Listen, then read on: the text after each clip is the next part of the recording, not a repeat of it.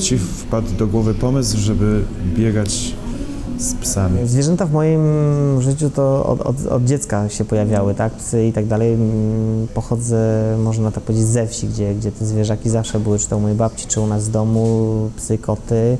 U babci to w ogóle całe gospodarstwo było. Miałem, chodząc do szkoły, jakiegoś swojego takiego psa, który, który był moim psem. Śmiesznie to zabrzmi, bo miałem takiego psa rasę Rottweiler, z którym poszłem na szkolenie i, i tam raz pojechałem z taką panią traserką na zawody do zawoi jako jej pomocnik. Obserwowałem to, później wystartowałem w jakichś zawodach z jednym psem na nartach e, z psem pożyczonym, ale doszedłem do wniosku, że chyba fajnie będzie startować, że tak powiem, ze swoim psem. I tak rodzice wtedy kupili mi pierwszego psa haskiego. Nie, nie pamiętam, czy miałem wtedy 14 czy 15 lat. No i po, w 2007 roku pierwszy raz wystartowałem na, na mistrzostwach chyba Europy czy świata, już nie pamiętam gdzie tak naprawdę chyba zamykałem pierwszą trzydziestkę. Dwa lata później na Mistrzostwach Świata miałem drugie miejsce. Ja przez wiele lat startowałem w trzech kategoriach, yy, yy, na dwóch psach, na czterech i 8 lub 12, 14 psów, trzy takie kategorie. W momencie, kiedy zaczęły startować też moje dzieci, yy, no pomału zacząłem rezygnować z tych kategorii małych na rzecz Filipa i Alicji. Oddawałem im te psy, które były przygotowane do tych kategorii. A z racji tego, że oni sobie, że tak powiem, świetnie radzili, to ja z tej kategorii re rezygnowałem. Pamiętam swój, swój, pierwszy sezon, jak, jak Filip zaczął startować na dwóch psach, gdzie, gdzie rywalizowałem z nim na, na tych samych trasach. I bywało tak, że na jednym wyścigu ja byłem szybszy, na drugim wyścigu on był szybszy. Czasami y, chciałem mu trochę utrzeć nosa i, i, i, dawałem mu fory, ale jak, jak widziałem, że za bardzo źle to na niego działa, że wygrywa, to, to drugiego dnia y, potrafiłem go jeszcze przeskoczyć w klasyfikacji generalnej. Jestem coraz starszym zawodnikiem, żeby startować w zaprzęgach tych złożonych z 12-14 psów. Ważne jest tutaj doświadczenie. Nie da się tego przeskoczyć, że tak powiem, swoją wydolnością czy wagą. Tutaj jest ważne przygotowanie psów do wyścigu, ważna jest taktyka ponieważ pokonujemy tutaj w sprincie, dodam, e, od 20 do 30 km każdego dnia jest to sprint. E, starty w, w, tych niższych kategoriach przez wiele lat powodowały, że ja to doświadczenie zbierałem. W rywalizacji trzydniowej na Mistrzostwach Świata w Szwecji w Swegu okazało się, że, że po raz kolejny udowodniliśmy, że, że e, zespoły z Polski potrafią być najszybsze. W tym roku startowałem tylko na 14 psach. Jest to taka w tej chwili moja koronna dyscyplina, gdzie, gdzie startuję na 14 psach. To są takie VIPy psich zaprzęgów, tak? Złośliwi określają, że to, jest, y, są VIPy, bo, bo, bo jest tam faktycznie 14 psów i tutaj już tak bardzo nie jest potrzebna ta wydolność i, nie tak bardzo się liczy waga tego zawodnika i same jego przygotowanie wydolnościowe. Tak naprawdę znaczenie tutaj ma duże e, przygotowanie całego zespołu, zgranie, zgranie tych 12 psów, yy, przygotowanie też taktyczne. Mam od 2012 roku takiego konkurenta, bardzo mocnego zawodnika z Francji, Patryka Loże. W zeszłym sezonie, w 2017 roku na Mistrzostwach, na Mistrzostwach Europy w Niemczech był najbliżej mnie bo po pierwszym dniu, po przejechaniu dystansu 23 km byłem szybszy tylko o jedną sekundę. Czasy są mierzone przez fotokomórki i tutaj nie ma żadnego, żadnej pomyłki, więc tym bardziej jeszcze ciśnienie rosło u mnie, u niego, bo jedna sekunda to tak naprawdę na, na takim dystansie to jest nic. W drugi dzień na punktach kontrolnych pomiędzy nami do 15 km nie było żadnej różnicy czasowej, po prostu jechaliśmy web w web. Dostajesz w trakcie wyścigu informacje? Tak, e, dostajemy informacje tak, na, na danym kilometrze, jaki mamy czas, więc, więc ta, te różnice były takie, że, że czasami ja byłem sekundę szybszy, czasami on był sekundę szybszy, więc tak naprawdę ciśnienie cały czas było. Jechaliśmy tempem, które, które było zdecydowanie za duże na taki dystans i ja wiedziałem, że, że takim tempem psy po prostu nie dobiegną do mety, bo, bo jest to po prostu nie, nie, niemożliwe. W którymś momencie któryś z nas musiał zwolnić, żeby całym zespołem dojechać do, do, do mety. Wygrałem swoim doświadczeniem, bo ja odpuściłem i dojechałem całym zespołem do mety, a, a że tak powiem jego psy no, dobiegły skrajnie zmęczone i, i w trzeci dzień to już było po prostu dla niego po wyścigu. No i właśnie w takich przypadkach decyduje tutaj doświadczenie, więc nie zawsze prędkość i ta dynamika, którą trzeba utrzymać na całym dystansie jest, jest tutaj istotna. Skąd ty, będąc na saniach, masz pojęcie, że twoje psy, tak jak mówisz, na przykład nie dobiegną e, drugiego dnia, bo je zajedziesz. To jest jak w każdym sporcie, jak, wydaje mi się, jak w piłce nożnej. Ja jestem trenerem i zawodnikiem, żeby, żeby móc, że tak powiem, wyciągnąć z, z zawodnika, czy to piłkarza, czy to psa, maksimum jego możliwości, to musimy go znać, musimy znać jego możliwości Ja to obserwuję na treningach. E, Wiele godzin, miesięcy i lat współpracy z tymi psami pozwala mi na to, że, że znam je doskonale i wiem, który pies w jakich warunkach do czego jest zdolny. Często podczas wyścigu psy odpoczywają w zaprzęgu. To jest tak, że jak startuje 14 psów i któryś z piesów jest trochę zbyt zmęczony, to on w jakimś e, odcinku odpuszcza, jakby ma wol, wolną linkę, ale cały zespół za niego pracuje, więc czasami psy też się wymieniają tak swoją, że tak powiem, intensywnością pracy podczas wyścigu. Mając 14 psów, cały nasz zaprzęg ma 16 metrów długości, więc tak naprawdę te psy z przodu muszą być mega mózgami, żeby odpowiednio narzucać tempo, e, odpowiednio pokonywać zakręty, żeby tych zakrętów na wąskich e, duktach e, leśnych, czy- bo korzystamy z tras narciarstwa biegowego, nie ścinać tych zakrętów, tak żeby te psy z tyłu i zawodnik na saniach miały miejsce, żeby jeszcze, żeby jeszcze ten zakręt pokonać. Czasami jest tak, że, że psy wychodzą po zakręcie na prostą, a, a ja jeszcze jestem przed zakrętem. Często zdarzają się wywrotki. Powiem tak, no, na zawodach zdarzają się e, kraksy, czasem spowodowane przez różne sytuacje. Na zawodach rangi mistrzowskiej raczej nie. Są to zawodnicy, którzy są wyselekcjonowani, e, nie ma tam zawodników z przypadku. Sezon jakby powoduje, że, że ci zawodnicy się eliminują i, i jadą tam naprawdę najlepsi zawodnicy, więc na, na zawodach rangi mistrzowskiej nie ma, nie ma przypadków. Jak będąc na staniach jesteś w stanie poprowadzić pierwsze psy? W sensie z- No to jest tylko głosem, tylko głosem yy, je sterujemy, czyli mówimy do nich prawo, lewo, prosto, yy, podajemy im komendy, które powodują, że one jeszcze przyspieszają. Powiedz mi, jak wygląda wyjazd na takie zawody? Podróżujemy kamperem, który jest przystosowany do, do, do mieszkania, do, do transportu psów.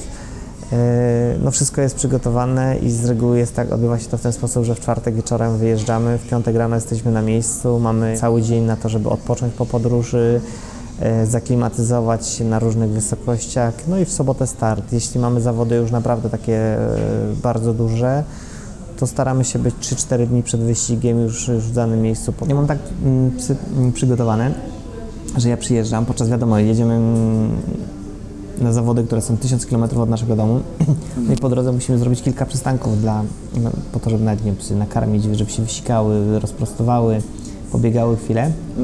Więc często jest tak, że zjeżdżamy z autostrady jakimś zjazdem, wjeżdżamy, nie wiem, czy to na jakąś łąkę, las, y, żeby, żeby zrobić przerwę. Ja je wypuszczam z samochodu i one wszystkie biegają i one nigdy nie odchodzą dalej jak 10 metrów ode mnie. Czyli jak ja chodzę, to one wszystkie tak biegają w odległości 10 metrów ode mnie. na jedną komendę podbiegają do samochodu i każdy czeka przy swoim boksie. I tylko się podchodzi, otwiera się boksy, one każdy wskakuje do, swoje, do swojego boksu. Zabierasz y, psy rezerwowe na takie zawody? Jak wyjeżdżamy na zawody, to wszystkie psy wyjeżdżają, które trenują. Jadą też psy rezerwowe. Jak ty je zachęcasz do tego, żeby im się chciało? Znaczy tutaj jest, y, to tak jak, jak w każdym sporcie, tak, no to, to jest taka mm, gra trochę na, na emocjach y, psa, na jego psychice i tak dalej. Są, są różne, różne zwierzęta. Czasami jest pies taki, który, który ma tak mocną psychikę, że, że choćby trenował codziennie, tego nie zakatujemy y, pod względem psychicznym, że jego to nie zmęczy, nie zniechęci. A czasami są takie psy, które które muszą mieć, ja to tak nazywam głód biegu, tak? czyli one cały czas muszą być niedotrenowane po to, żeby chciały trenować, po prostu mają słabszą psychikę. Psa tak naprawdę nie da się zmusić do tego, żeby on dobrze biegał, albo biega dobrze, albo nie biega dobrze, więc y, tutaj wszystko zależy od nas, od tego, ile mu czasu poświęcimy. I ty decydujesz o tym, w jaką stronę rozwijasz karierę takiego psa, czy musi przejawiać jakieś predyspozycje i decydujesz, ty jesteś tym miejscu w zaprzęgu? To jest tak jak, y, ja to często, często porównuję, bo dla, e, że tak powiem, ludzi, którzy nie są z branży, jest to łatwiej, łatwiej sobie wyobrazić. To jest jak w szkółce piłkarskiej. Przychodzi nam 20 dzieciaków, chłopców i trener nigdy nie wie, kto, e, kto gdzie na jakiej pozycji będzie trał, e, grał. E, No, pracując z nimi, trenując, wyłapujemy takie predyspozycje do tego, że ten pies będzie biegał tu, ten pies będzie biegał tu. Ile macie w tym momencie W psów? tej chwili mam 28 psów. W tym są psy, które e, no, trenują, przygotowują się do zawodów, no i są też psy, które tak naprawdę już, już nie biegają. Są emerytami, które cieszą się z tego, że nie wiem, że słońce świeci i mogą się wygrzewać e, leżąc na wybiegu, prawda? Jak to wygląda finansowo utrzymanie takiej hodowli, w którą tu musisz inwestować, żeby to byli sportowcy? To wszystko kosztuje. Wyjazdy na treningi, paliwo, czas. y, Moim chyba największym takim przełożeniem na finanse jest czas, który trzeba poświęcić. Tak? W tym momencie, na tym etapie e, przygotowania, to jest około 6 godzin dziennie ja muszę mieć, żeby dobrze przygotować y, moje psy do startu. Tutaj jest rzesza firm, które które uczestniczą w tym sporcie, czy to producenci karmy e, dla zwierząt. e, Tutaj takim jednym z moich sponsorów takich jest, e, jest producent karmy, e, który dostarcza mi tak, e, karmę dla moich psów. Jest też producent sprzętu, który co roku wymienia mi nowy sprzęt, dostaje. Jest też producent smarów, który też mi to dostarcza. Dzięki współpracy tych firm udaje nam się spiąć ten budżet i, i przygotowywać to do, do, do, do startów. W Polsce ten sport jest dosyć niszowy na świecie. Wygląda to w innych krajach lepiej. No można tak powiedzieć, że jest to sport niszowy. E, Nie mamy dużo zawodników. Są co roku zawody, które, które e, zawsze e, lubię na te zawody pojechać. Są to zawody w, w Niemczech, taka miejscowość Frauenwald. Podczas tych zawodów sprzedaje się 40 tysięcy wejściówek. To czy jesteś taką gwiazdą pojawiającą się na zawodach? No jest, jest to odczuwalne, jest to odczuwalne, że, że ludzie, ludzie tak naprawdę, którzy się tam pojawiają, to wiedzą. Poza tym na takich zawodach y, profesjonalnych, mega przygotowanych, to speakerzy też podnoszą atmosferę. W Szwecji w tym roku w ogóle y, y, moje billboardy były reklamujące zawody w całej Szwecji, więc fajnie jak się zjeżdżało z promu i się już swoje, swoje zdjęcie gdzieś widziało. No. W ogóle Państwo mają tutaj przepyszne jedzenie. Przychodzę. A zdarza się tak, że psy się buntują w trakcie zawodów albo treningów, że nie Zawsze to, chcą? musi, zawsze to musi być spowodowane jakąś, nie wiem, mm, niewydolnością psa, chorobą i tak dalej, więc bardzo ważna jest też obserwacja, znajomość tych psów, jak one się zachowują rano, prawda, jak po nocy na przykład psy wysiadają z samochodu na, wiadomo, że muszą się wysikać i tak dalej, to nieraz już widać po psie, że on się jakoś dziwnie inaczej zachowuje, jest nieswój i wtedy no, podejmujemy decyzję, czy on dzisiaj startuje, czy nie. Jeśli jest błędna decyzja, że na przykład ok, startuje, e, a się okazuje, że ma jakieś skurcze i tak dalej, no to wiadomo, że ten pies już nie jest w stanie tak pracować, jak powinien. Czasami podjęcie takiej decyzji, że ten pies startuje, powoduje to, że musimy tego psa, w Staniach jest taki specjalny worek do transportu psów podczas, nie wiem, gdyby się okazało, że pies ma kontuzję, jakąś niewydolność, chowamy go do tego worka i on musi z nami dojechać do mety, tak? Ale to wszystko powoduje straty czasowe, musimy się zatrzymać, schować go tam i tak dalej, więc psy też muszą umieć podróżować w takich workach. A istnieje coś takiego jak doping w tej dyscyplinie? Istnieje tak, są ba- robione badania antydopingowe u zwierząt. Jak ja startuję już ponad 20 lat, to zdarzyło się chyba z 6-7 razy, gdzie zawodnicy zostali wykryci, yy, no wyszły im pozy- próby pozytywnie. Jak są, to jakiego rodzaju pies może mieć kontuzję? Znaczy kontuzje zdarzają się podczas, najczęstsze kontuzje to są podczas treningu, jakieś wybicie mm, łapy w barku i tak dalej.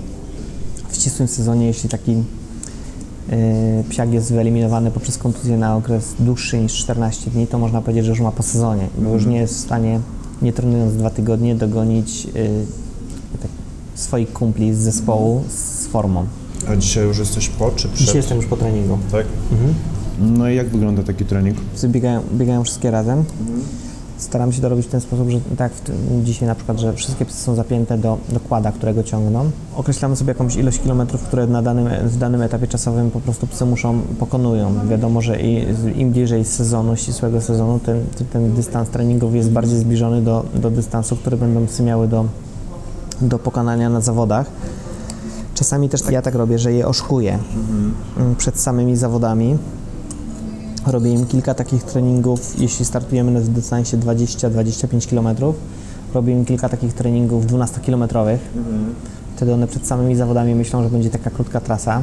I po prostu często jest tak, że one są psychicznie nastawione do bardzo szybkiego biegu, a narzucają sobie tempo właśnie jakby na ten krótszy dystans. My jesteśmy odpowiedzialni za wszystko, nawet za to, że ten pies jest agresywny, że źle skręcił, że za, za szybko pobiegł, że się przegrzał, to my musimy to obserwować, kontrolować i decydować, na co możemy się pozwolić. W jakiej okolicy ty, y, ty mieszkasz?